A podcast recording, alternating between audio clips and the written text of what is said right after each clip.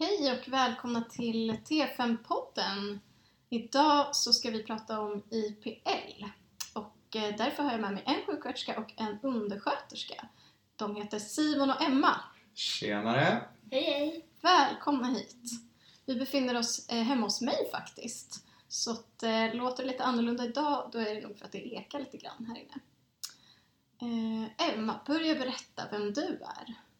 Eh, ja, jag är, jag är undersköterska eh, på urologen, Huddinge sjukhus. Eh, började min eh, ska man säga, karriär med att eh, jobba på ett LSS-boende under tiden jag pluggade på komvux till undersköterska. Då valde jag inriktning äldrevård och fortsatte då med att jobba på äldreboende ett år. Eh, och sen så pluggade jag ytterligare en kurs inom akutsjukvård och fick jobb på H66 H66, Ja. vad, vad är det för något? Ja, det är, det är urologen. Mhm, Okej. Man har ju så här kodord på Huddinge där eh, det är liksom Kirurggatan, våning 6, gator, siffra 6. Så då, ja, alla avdelningar heter ju något. Det är sånt där, om man, om man inte eh, jobbar på Huddinge då fattar man absolut ingenting. Nej, precis. Det får man lära sig lite. Ja. Mm.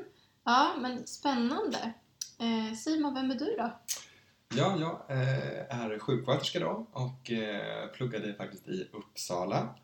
Gick ut eh, juni 2013 och hade en kort karriär först på onkologen på Akis över en sommar. Sen flyttade jag till Stockholm och jobbade på kardiologen på Södersjukhuset i tre och ett halvt år. Och sen nu, sen tre år tillbaka, så jobbar jag på Sankt Görans akutmottagning. Mm. Yes! Så då har vi lite liksom, akut erfarenhet hos er och sen har ni båda jobbat eller jobbat på vårdavdelning. Mm. Det är perfekt för våra T5-studenter eh, som läser just eh, akutsjukvården här terminen och eh, som har en lång placering också på vårdavdelning. Mm. Men idag ska vi inte prata om något sånt där medicinskt ämne specifikt utan idag ska vi prata om IPL och vi ska ju också ägna oss åt IPL kan man säga. Det står ju för interprofessionellt lärande och här idag så har vi ju tre professioner. Jag är läkare, Simon du är sjuksköterska och Emma är undersköterska. Och eh, jag tänker att genom att vi sitter och pratar med varandra om olika saker som rör vårt jobb och hur vi kan samarbeta så, så gör vi ju IPL, så lär vi ju av varandra Ehm, i egenskap av våra professioner. Men vi ska också prata om just det, så det blir som nästan lite meta där. Mm. Men vad känner ni till IPL sedan tidigare? Alltså jag har inte hört den eh, förkortningen eh, tidigare utan det var första gången faktiskt ikväll eh, som jag hörde det. Eh, men, men vad, vad jag har förstått det som, eller från dig då, det är ju att det här är något som eh, man har börjat jobba med på läkarprogrammet och kanske då sjuksköterskeprogrammet också, antar jag. Eh, kanske då efter att jag eh, slutar helt enkelt. Mm, så tror jag att det är. Det, det har man infört mycket mer på, på båda de här programmen i Uppsala som jag känner till bäst. Ehm, eftersom, eh, eller efter att läkarprogrammet fick ganska mycket backning på för några år sedan att man hade så otroligt lite IPL. Man eh, sam- lärde sig väldigt lite om att eh, samarbeta med andra yrkeskategorier så har man fört in det. Det tycker jag är jättebra. Men du då Emma, har du gjort någon IPL någon gång? Eh, gjort har jag, ja men det kan man säga. Som undersköterska jobbar man ganska tätt med arbetsterapeut och fysioterapeut. Vi har också besök av kuratorn inne på vårdavdelningen. Ehm, så att när vi, när vi får in fysioterapeuten har vi ett ganska tajt samarbete. Vi, det är vi som hjälper, ja, vi hjälper dem. Mm. Så, eh, så där har du haft eh, mycket kontakt med andra yrkeskategorier och, eh, och lär, lär dem och lär av dem. Är det så? Det gör vi. Vi får massa tips och andningsträning, gångträning. Man mobiliserar från sängen på rätt sätt. Eh, sen så jobbar vi eh, dagligen bredvid sjuksköterskan. Så det där är ju liksom inte professionellt direkt. Mm. Mm. Hur var det när du utbildade dig till undersköterska då? Eh, nej, där, vi fick lära oss mest om vem, vad sjuksköterskan har för roll och att vi, vad vi står för hem. Liksom, och vilka instruktioner vi ska ta och vem det är som bestämmer över vad. Eh, men jag pluggar också till sjuksköterska eh, och där har vi det här interprofessionella arbetet. Kalla inte det för IPL, men, eh, men där ska vi veta vilka som har rollerna, inte så mycket läkarna faktiskt. Nej precis, det var det som Ja. jag tänkte också på när du berättade att det var nog samma under min utbildning också att man fick ganska bra koll på vad en arbetsterapeut och vad en sjukgymnast och till och med en kurator som man ju egentligen knappt jobbar med i, i verkligheten höll jag på att säga. Men det var inte alls så mycket vad, vad faktiskt vilken del som läkaren hade i den här. Det kanske Mm. var att det var en så självklar del eller något. Mm. Jag har ingen aning. Men, Nej. eh, Ja, Kanske. men, eh, men tycker ni att det, att det låter som en bra idé då? Att, eh, att under utbildningen eh, till sjuksköterska till exempel, eller läkare, lära sig om samarbete med andra yrkeskategorier och lära sig om eh, andra yrkeskategorier? Ja. Absolut. Alltså det känns ju väldigt naturligt Mm. och, eh, och ja, det är ju det, är det jag tänker att det är ju när jag har jobbat som sjuksköterska nu som jag har lärt mig vad vi har för roller på ett annat sätt och det hade väl varit väldigt praktiskt att få lära sig det under själva utbildningen. Så det, det låter väl som en eh, fantastiskt bra idé. Mm. Mm. Jag upplever att det skulle minska antal kanske onödiga frågor. Vem gör vad? Utan det blir mer självklarhet. Mm. Mm. Mm. Okej, men eh, kan vi inte mm, prata lite om era yrkesroller då? Simon, vad, eh, vad gör du på jobbet som sjuksköterska? Vad är sjuksköterskans arbetsuppgifter? Ja, eh, på eh, akutmottagningen där jag jobbar nu då, då är det ju väldigt blandat, eh, ska jag börja med att säga. Det kan både vara att man har en triageposition eh, där man eh, är den första som möter patienten, man tar vitalparametrar, ställer rutinfrågor. Eh, sen kan det vara rena arbetsuppgifter som EKG-tagning, blodprovstagning, ehm, ehm, man smärtskattar patienten och så vidare. Eh, så ser det ut mycket i, idag. När jag var på vårdavdelning då var det väldigt mycket dela mediciner, administrera mediciner som var en ganska stor del. Inte lika mycket på akutmottagningen ska jag säga, men på vårdavdelning väldigt mycket mediciner. Mm. Vad, vad har en sjuksköterska för kompetens? Om du ska säga det i några få ord. Det som är är att vi faktiskt har en, vi har fått en, tagit en kandidat i omvårdnad som kan vara lätt att liksom glömma bort. Eh, men det är det som är min liksom främsta eh, kompetens. Det är omvårdnaden runt patienten som inte bara då handlar om att, att jag ska veta hur man byter en blöja utan handlar om vad som kan vara viktigt för patienten i det här momentet. Vad ska vi göra för att undvika infektioner till exempel och så vidare. Och, men det är någonting som ganska lätt kan falla bort men det är ju det som är min främsta kompetens. Mm. Jag brukar tänka på eh, sjuksköterskor som eh, omvårdnadsansvariga. Mm. Jag tänker inte när jag jobbar som läkare att jag är ansvarig för omvårdnaden av patienter utan det tycker jag att sjuksköterskan är ansvarig för. Mm. Stämmer det? Jag skulle säga att det är ett gemensamt ansvar. Annars tycker jag, jag, jag tycker att omvårdnaden är ju en sån central del för, för patienten. Om, om det bara är en arbetskategori som, eller en yrkesroll som jobbar runt patienten som har ansvar för omvårdnaden så tror jag att det skulle bli eh, jag tror det inte skulle bli så bra för patienten. Eh, men sen är det jag som är jag är absolut omvårdnadsansvarig och det är mitt ansvar, det är det. Det skulle Mm. jag säga. Men jag tror det är svårt om man helt separerar sig och tänker att läkaren eller undersköterskan inte behöver se patientens omvårdnadsbehov.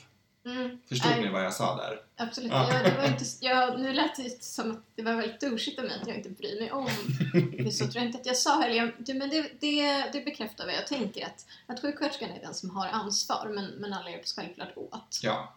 Eh, ja. Okej. Emma, vad är eh, undersköterskans kompetens då? Vad kan undersköterskor?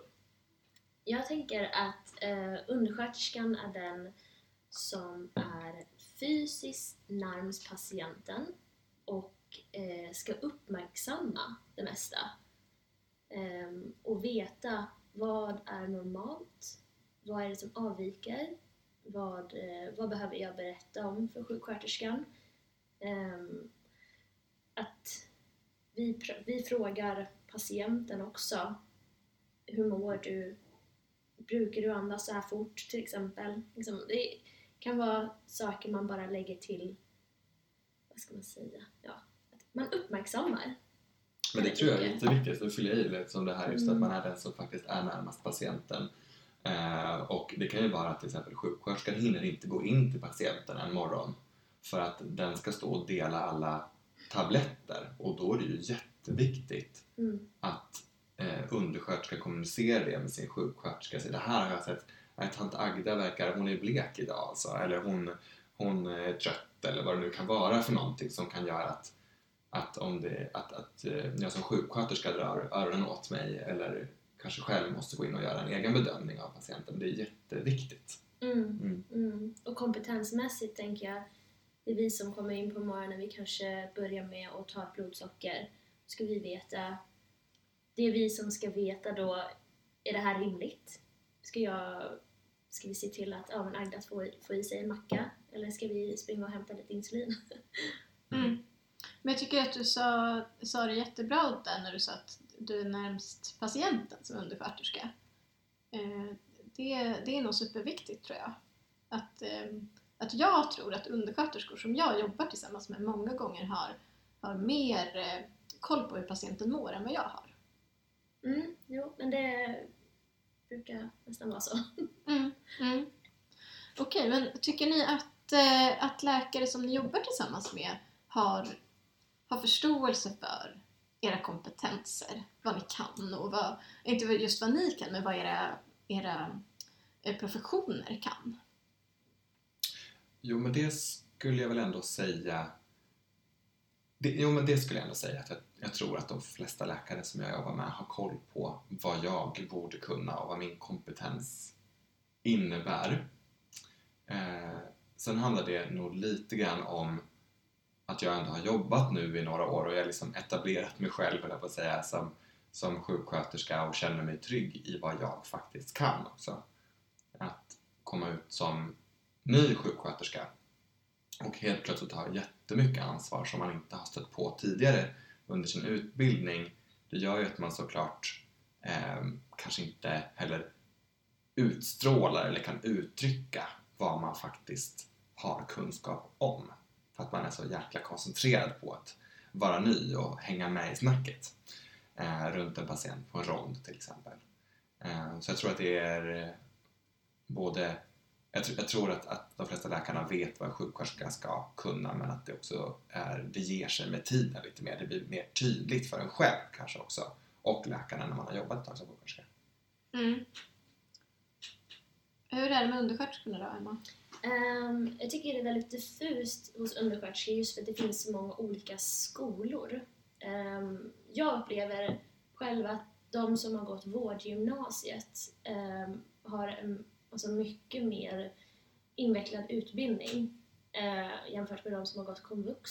Men sen beror det på vilka arbetsplatser de har blivit tilldelade eller praktikplatser under utbildningen. Um, är bara ett eget exempel. Jag gick ju bara eh, på äldreboende.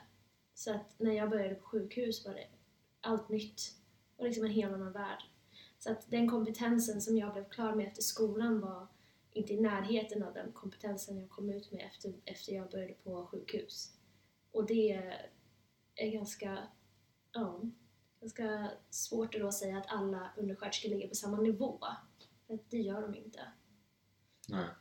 Nej, Mm. så att det kan vara skilja sig väldigt mycket åt vad, vilken kompetens man har som undersköterska. Att Mm. det kan vara Ja, svårt och som ut, utomstående att, att skilja ut vem som kan vad. Så här. Mm. Och mycket tänker jag är eh, eget intresse. Eh, jag tycker det är jättekul att läsa på om olika sjukdomar. Eh, många kanske ser det som ett jobb de går till. Mm. Eh, och, och det, det, eftersom det inte ingår egentligen i arbetsuppgifterna så är det verkligen person till person. Mm. Ja, just det. Jag, jag tänker lite grann på det också att det betyder ju inte att man alltså Alltså det kan ju vara väldigt stor skillnad på att ha varit på en liksom, akutmottagning eller vårdavdelning på ett akutsjukhus eller Mm. om man har liksom varit på vård eller på en äldreboende. Mm. Det gör ju inte att man egentligen är sämre på arbetsuppgifterna. Nej, man arbetat Men- olika. Precis, Ja. och man arbetar olika och själva arbetsmiljön är någonting helt annat. Mm. Du är ju hemma hos en patient Mm. när den bor på ett äldreboende och tar hand om den. Då är du Mm. hemma hos den patienten. Här på ett, liksom på ett sjukhus, då hamnar du i en helt annan miljö. Ja, ja. Eller jag, jag tänker främst på det här med hur läkaren ser en. Eh, under Mm. året jag jobbade på äldreboende träffade jag inte en enda läkare. Nej, nej. Och det blir väldigt stor skillnad då till, på en vårdavdelning tänker jag, där du träffar läkare varje dag. Ja, absolut. Mm. Ehm, men tycker ni att, att eh, läkarna eller läkarstudenterna är bra på att, ehm, att dra nytta av det som, som är er kompetens? Du nämnde Emma tidigare att, Eh, att som undersköterska är man den som är närmast patienten och, och har bra koll på hur patienten mår för dagen och så här. Är läkarna bra på att veta det och dra nytta av den informationen som man sitter på som undersköterska? Eh, det har också varierat. Jag upplever mest att sitter vi på ronden så vänder läkaren sig till sjuksköterskan först eh, och ställer frågan till, till den personen. Eh, och det kan vara allt ifrån att hur såg såret ut? Vilken färg hade urinen? Eh, och, och då får man ju liksom andrahandsinformation genom att fråga sjuksköterskan. Mm. Så det hade varit bättre om man frågade dig direkt. Hur, hur såg urinen ut hos den här patienten? Ja, eller ställa frågan öppet. Ja, ja just det. Mm. Mm. Eh, Okej, men varför tror du att det är så då? Att, att eh, läkare vänder sig till, till sjuksköterskan istället för till dig? Eh, ja, men det är väl den här bristen. De vet ju inte vad vi gör, kanske. Att eh, de ser inte att det är vi som tömmer kateten, till exempel. Utan kanske tänker då att sjuksköterskan gör allt och att vi assisterar sjuksköterskan. Mm. Ja, men så kanske det är. Och det är ju på ett sätt också något, så var det tycker jag när jag jobbade som kardiologen, att det också var det som var liksom indrillat. Att jag som sjuksköterska skulle veta vilken färg det var på urinen fast jag aldrig hade sett den här urinen. Vilket blev, det blev en stress för både mig och den här undersköterskan för vi var tvungna att rapportera till varandra innan vi gick in på ronden. Vad var det för färg på den här urinen? Och det blir ju jättekonstigt istället för att bara kunna släppa det. Om läkaren då frågar vad var det för färg på urinen? Jo, men det vet undersköterskan som jag jobbar med. Ja, Till exempel. Okej, det låter som att det fanns en viss hierarki på den arbetsplatsen. Eh, ja, svar Ja. ja. Okej. Ja, men, eh, men jag tänker att, eh, att det, nog kan bli ganska mycket bättre nu när man har fått in mer sådana här element av IPL då, som det heter i Uppsala, i utbildningarna. ja, absolut. Ja, Mm. ja.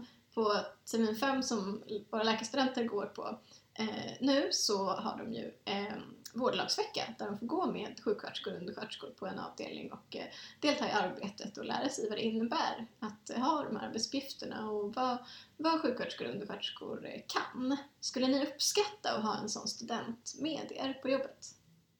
Absolut. Eh, jag tänker all kunskap är nyttigt. Ta, ta vidare det Mm. till när ni jobbar sen som läkare. Mm. Så vet ni vad ni ska fråga efter. Ja, men det tror jag är jätteviktigt. Det låter ju... På ett sätt är det konstigt att det inte har varit så eh, tidigare. Mm. Jag tycker att det verkar hur bra som helst. Eh, jag tycker jag vet, har du någon koll på hur det är på sjuksköterskeutbildningen? Jag blir nyfiken. Är det motsvarande att sjuksköterskor får gå med läkare? Vet du något om det? Nej, så är det inte, men jag hoppas att det blir så i framtiden. Det låter som en naturlig följd i alla fall.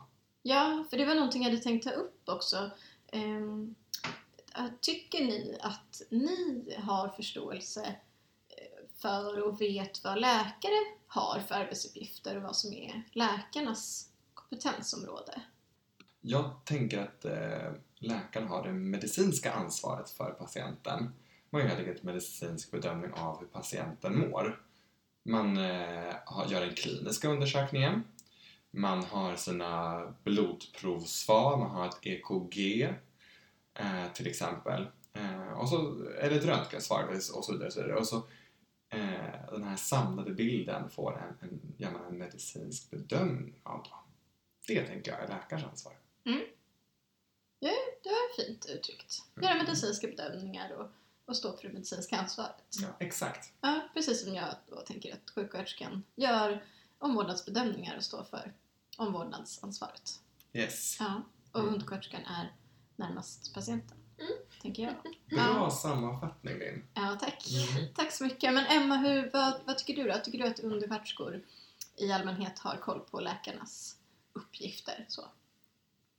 Jag tänker att eh, det är, man tänker, ja, medicinen helt enkelt. Och eh, hur vi ska gå vidare. Mm. Det, Mm. Ja, det är lite den tanken jag har. Och ehm. Mm. Ja, hur vi ska gå vidare. Mm. Ja, för det där hade jag också tänkt eh, fråga lite om. Det här med... eh, För när du säger sådär hur vi ska gå vidare, då tänker jag att någon ska svara på den frågan och då eh, det som jag upplevde att jag fick lära mig på läkarutbildningen var nog ofta att jag skulle svara på den frågan som läkare och på något sätt leda teamet och vara en ledare. Det tyckte jag var någonting som jag fick eh, höra ganska mycket om. Mm, och kanske inte riktigt lika mycket om det här med samarbetet kring en patient och samarbetet på en vårdavdelning till exempel. Eh, för om vi ska prata lite om samarbetet då mellan olika yrkeskategorier. Mm. Vem, vem har egentligen ansvaret för att samarbetet blir av på, på en avdelning, låt säga? Mm. Jag tänker så här. Det beror på vilka som jobbar i team runt patienten. Om man tänker på min arbetsplats så jobbar vi väldigt mycket team läkare och sjuksköterska. Eh, och då tänker jag, jag kommer till jobbet eh, och ska jobba tillsammans med en underläkare eller en AT-läkare som kanske är nya på mitt jobb, men ny på akutmottagningen. Eh, och jag har jobbat där i tre år. Jag kan arbetssättet, jag vet hur man vill jobba på akutmottagningen på Sankt Görans sjukhus. Och då ser jag det som en ganska naturlig del att det, det är på ett sätt mitt ansvar att leda det här samarbetet. Att man samlas runt patienten och ser vad har man för information? Eh, hur mår patienten? Vad vill vi eh, vad vill vi göra med patienten? Sen är, sen är det ju absolut läkarens ansvar att kanske ordinera åtgärder för att vi ska kunna jobba, jobba framåt med patienten. Men att om man är ny läkare på jobbet till exempel, då kanske man måste få koncentrera sig på att få vara ny med vissa arbetsuppgifter. Och så kan jag som har jobbat lite längre vara den som driver själva teamarbetet gemensamt. Åh, jag blir så glad när du säger så. För att jag, jag är ju ny läkare. Jag har ju inte jobbat som läkare så länge och det, det uppskattas så mycket från mitt håll när eh, andra kollegor, sjuksköterskor och undersköterskekollegor till mig eh, initierar samarbete och kommer och säger att eh, ja men Linn, ska vi, inte, ska vi inte göra så här nu? För då Mm. säger jag ja, tio gånger av tio, jo det ska vi. Det, när, man, eh, när man pratar med sina kollegor så upplever jag att, att man har så himla bra liksom, svar och idéer. Eh, hur tycker du att det är Emma när du jobbar som undersköterska? Ehm, kan du vara den som initierar samarbete och som kommer med förslag? Eh, jag vill säga rakt av nej. Mhm. Ehm, Mest för att jag sitter egentligen inte på den kompetensen. Jag har ingen legitimation. Ehm, det är en ganska viktig sak att tänka på. Ehm, och jag, ja, nej, men jag tänker mer att det är sjuksköterskan och läkaren tillsammans som ska fatta beslut. Men vi kan absolut komma fram gemensamt om saker och liksom dra nytta av varandras input. Mm. Mm. Mm.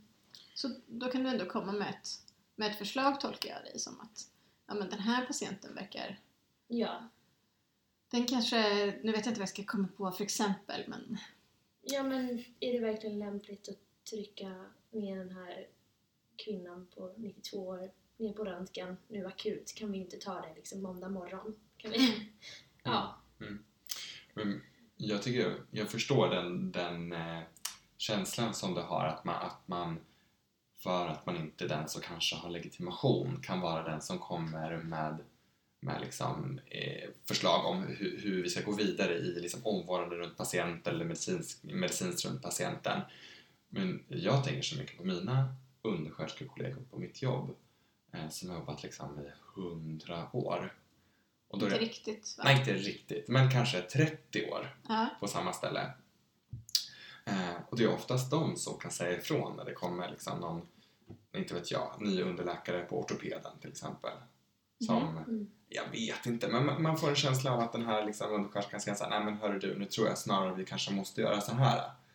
Eller, nej, vi kanske inte kan eh, tvinga den här patienten att åka hem. Den är för dålig för det till exempel. Att, att undersköterskan har sett så mycket under så många år Mm. att man faktiskt kan säga till den nya läkaren att det här är rimligt eller det här är orimligt.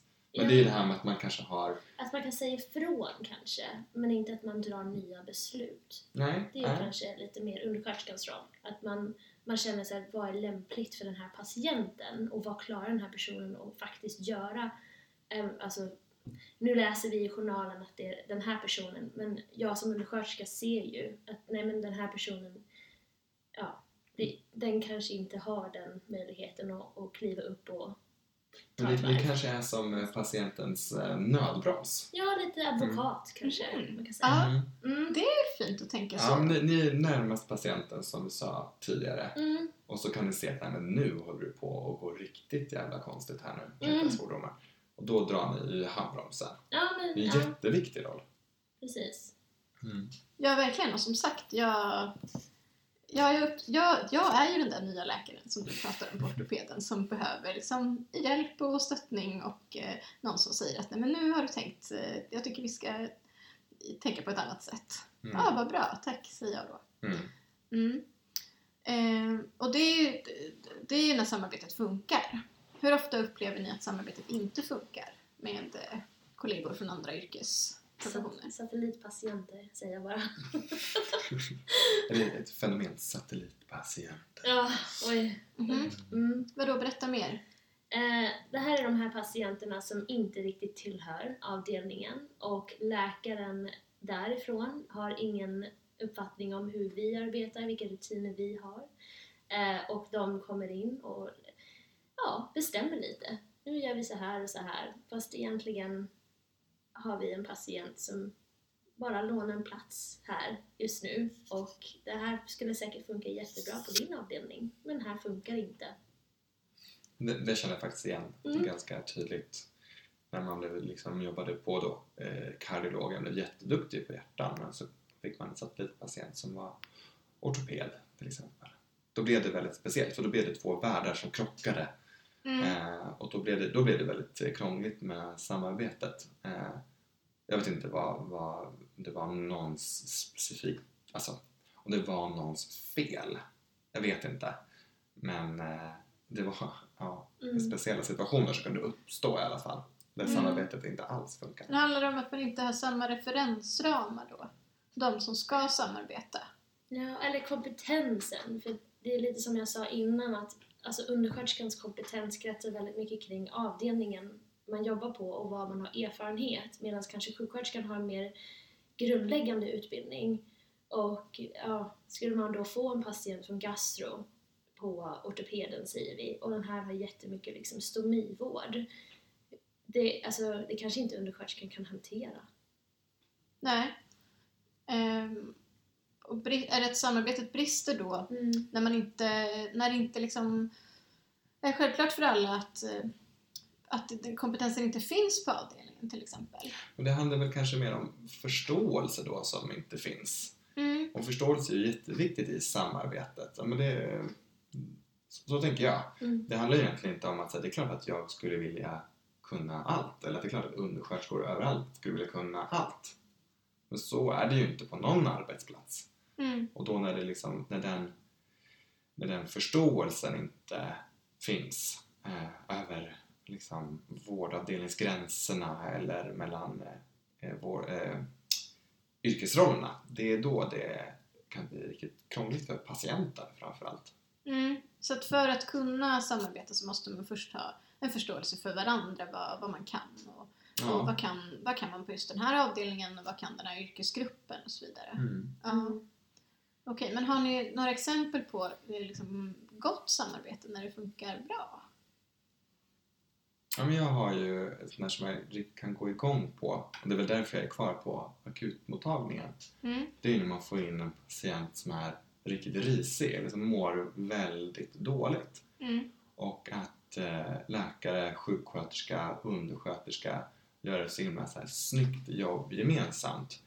När man, man liksom, det är, man, man för och man följer och man lyssnar. Eh, Mm. och att om man, om man har sin algoritm ABCDE och det funkar så bra, om man ger tid till varandra att utföra sin del, Mm. då, då blir det ju så bra. Mm. Mm. Ja, du säger många fina ord där. Man för, man följer och man lyssnar. Mm. Eh, och då är det alla som gör allt det här då? Kanske på ett akutrum med en kritiskt dålig patient, då tänker jag att det är ju, då, tänker jag att läkarens roll ändå är att liksom vara, säger man förare? Ledare? Ledare, tack! Ja. Le, man säger ledare, tänker jag är läkarens ansvar i det, eh, i det avseendet. Mm. Men sen att man också, det här med att eh, följare då, som kanske i det här fallet är sjuksköterska och undersköterska, måste ju våga säga till om man upptäcker saker som inte fungerar. Mm. Att Att man man är liksom- en aktiv följare Man kanske? är, ja men precis, aktiv följare. Ja. Det är ju liksom jätteviktigt. Mm. Och då Mm. kräver det att, att den som leder då i det här fallet eh, lyssnar, är en Lyssnar. bra lyssnare. Mm. Och att alla lyssnar på varandra. Mm. Ja. Och att det kan vara så himla viktigt att man då ställer en öppen, vi har en dålig patient här, vi är alla stressade runt det här, vi jobbar på så gott vi kan. Att man lyfter blicken och säger, till exempel, eh, är det någon som tänker på någonting annat? Att man ändå visar upp att, att jag är villig att ta emot förslag. Mm. Det tror jag är, är väldigt viktigt för då, kan då kanske den här nya sjuksköterskan eller nya undersköterskan vågar säga att nej men vi, vi har nog inte kopplat in syrgasen ordentligt. Mm. Nej, jag vet inte. Mm. Men någonting som faktiskt liksom, att man inte vågar säga till annars. Just det. Mm. Ja, du viktig, lyfter ju något viktigt där tror jag. Att, att eh, ha ja, men högt i tak som man brukar kalla det. Att, Ja. att, eh, att alla vågar säga till när man inte förstår, när man inte har uppfattat vad som skulle göras eller när man inte är med på tåget. Mm. Eh, Det tror jag verkligen är jätteviktigt. Jag har ett exempel. Ehm, Det var när akuten hade ringt upp till urologen och bett en urolog komma ner och sätta kateter på en väldigt gammal dam. Ehm, och då kände läkaren att eh, nej men det här känner jag mig inte riktigt så stabil med eh, och jag vill gärna ha en undersköterska. Ehm, och då kände jag så här: wow, hon vet ju att det är vi som sätter alla katetrar här på avdelningen och att eh, det kanske inte heller är så lämpligt att plocka bort en sjuksköterska från avdelningen. Att vi har den möjligheten att faktiskt lämna vårt arbete. Mm. Eh, och då åkte vi ner och satte kateter på den här kvinnan och ehm, då hjälpte jag läkaren med det. Mm. Det var ju ett väldigt bra exempel på eh, samarbete när det fungerar. Mhm. Ja. Vad ska man göra då tycker ni när samarbete inte fungerar? Jag tycker att man, om man vågar, ska säga, om man, eh, tycker jag att man ska säga till. Mm. Eh, det, kan ju bli, det kan bli väldigt obekvämt om man inte känner varandra, vilket man såklart kanske inte alltid gör. Men jag tror att det är viktigt för att alltså den som får lida för att ett samarbete inte fungerar, det är ju patienten. Så att det, det skulle jag säga. Man, man måste försöka våga säga ifrån. Så här, nu funkar inte det här mellan oss två, till exempel. Mm. Mm. Mm. Och föreslå kanske hur man kan göra det bättre eller? Ja, Det är precis. svårt. Ja, det, det är ju jättesvårt. Man kanske inte heller kan komma med de rätta svaren alltid. Men man kan säga nu kommunicerar inte vi med varandra till exempel. Jag tänker så här. Hur tänker du? Mm. Mm. Mm. Så. Att man liksom påminner sig om vad är det vi håller på med. Mm. Och Just sen tänker jag också att eh, vi ser er som människor också. Ehm, och eh, det, ni behöver inte vara rädda och fråga om vår råd eh, och tips. Mm. Utan eh, vi sitter inte och väntar på att ni har svaren på alla frågor. Och då menar du vi som är... Läkare! Ja, just det. Framtida läkare! Ja, ja. ja. Men vad tror ni då om att, eh, att föra in mer sån här IPL Eh, i undervisningen som man har gjort i Uppsala till exempel? Att eh, lära sig mer i vårdutbildningar om samarbete. Det finns något som heter QA till exempel som kommer i Uppsala på de senare terminerna. Eh, det är en klinisk utbildningsavdelning står det för där sjuksköterskestudenter och läkarstudenter tillsammans driver en avdelning och lär sig av varandra och om varandras yrkeskategorier. Och vi har mycket scenarioträning också på, i Uppsala där eh, sjuksköterskestudenter och läkarstudenter tillsammans eh, gör ett scenario till exempel med en patient. Vad tror ni om det? Och Kan det bli bättre samarbete då? Mm. Ja, absolut. Eh, när jag eh, pluggade, då hade jag en eller var två veckor när jag var på en avdelning som var liksom KUA. Mm. Eh, när man jobbade, det var både läkarstudenter, sjuksköterskestudenter och sjukgymnaststudenter, fysioterapeuter, förlåt. Eh, och det var nog de två veckorna som jag lärde mig absolut mest på. Mm. Skulle jag faktiskt, ja, det vågar jag faktiskt säga. Det var extremt viktigt. Det var lite aha-upplevelse Mhm. för mig. Vad var det som, framförallt som du lärde dig då? Eller vad var det som var aha? Aha var både att jag hade en fråga. Jag jag undrade hur ska jag veta vad jag ska göra nu? Då var det att jag själv fick hitta informationen om hur jag skulle göra ett moment. Mm. Men samtidigt var det också, man gjorde ju exakt, läkarna hade ju exakt samma tillvägagångssätt. Om de var osäkra på hur de skulle göra en sak, då fick de ta reda på det själv på ett sätt. Och då kunde vi diskutera. Mm. Vi var ju inför samma situation. Vi förstod inte riktigt kanske vad nästa steg skulle vara med den här patienten. Men då kunde vi diskutera gemensamt vad vi trodde och ta Mm. reda på det gemensamt. Det låter ju verkligen som kärnan i IPL det där. Att, Exakt. att man lärde av och tillsammans.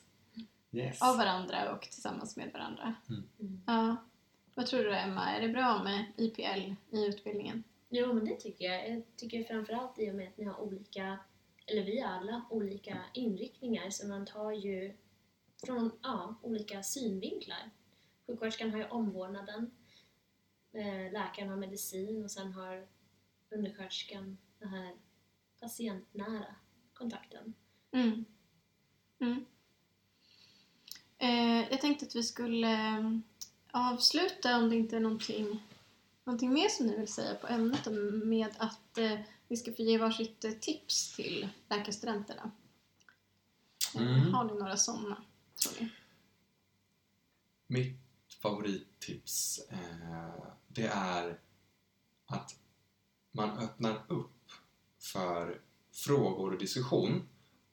Om läkaren har gjort en bedömning av en patient, att man frågar dem man jobbar med.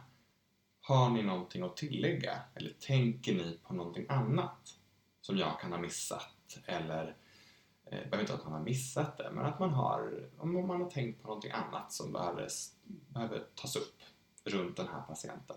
Att man faktiskt vågar säga det och öppna upp för att emot information och tips från andra. Mm. Så tipset är att ställa frågan, har ni någonting att tillägga? Ja, faktiskt. Enkelt. Ja, men det är ett jättebra tips. Eh, vad har du för tips, Emma?